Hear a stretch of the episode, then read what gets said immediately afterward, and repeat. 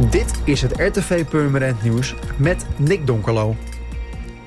Burgemeester Heerschop heeft een drugspand aan de Bammenstraweg in Middenbeemster voor drie maanden gesloten. In het pand is een hennepkwekerij aangetroffen. De politie heeft vier mannen aangehouden na de vondst.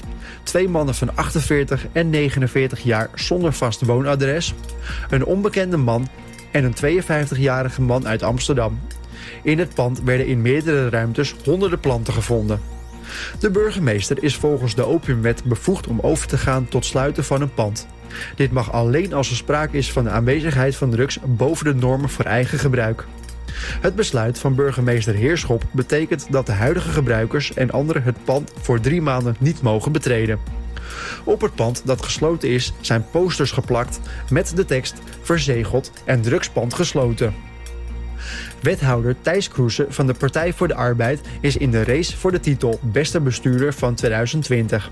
Hij is door lokale en regionale volksvertegenwoordigers, bestuurders, secretarissen en grievers uit de provincie Noord-Holland voorgedragen. In iedere provincie en het waterbeheer krijgen de gelegenheid om een kandidaat voor te stellen. In totaal zijn er 13 genomineerden. In de tweede ronde kiest het publiek één van hen tot de beste bestuurder van 2020.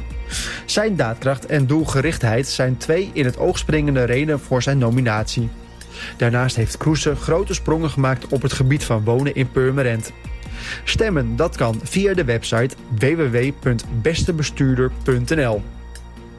De gemeente Purmerend en de Beemster hebben voldoende mensen om tijdens de verkiezingen van 17 maart de stembureaus te bemannen en de stemmen te tellen.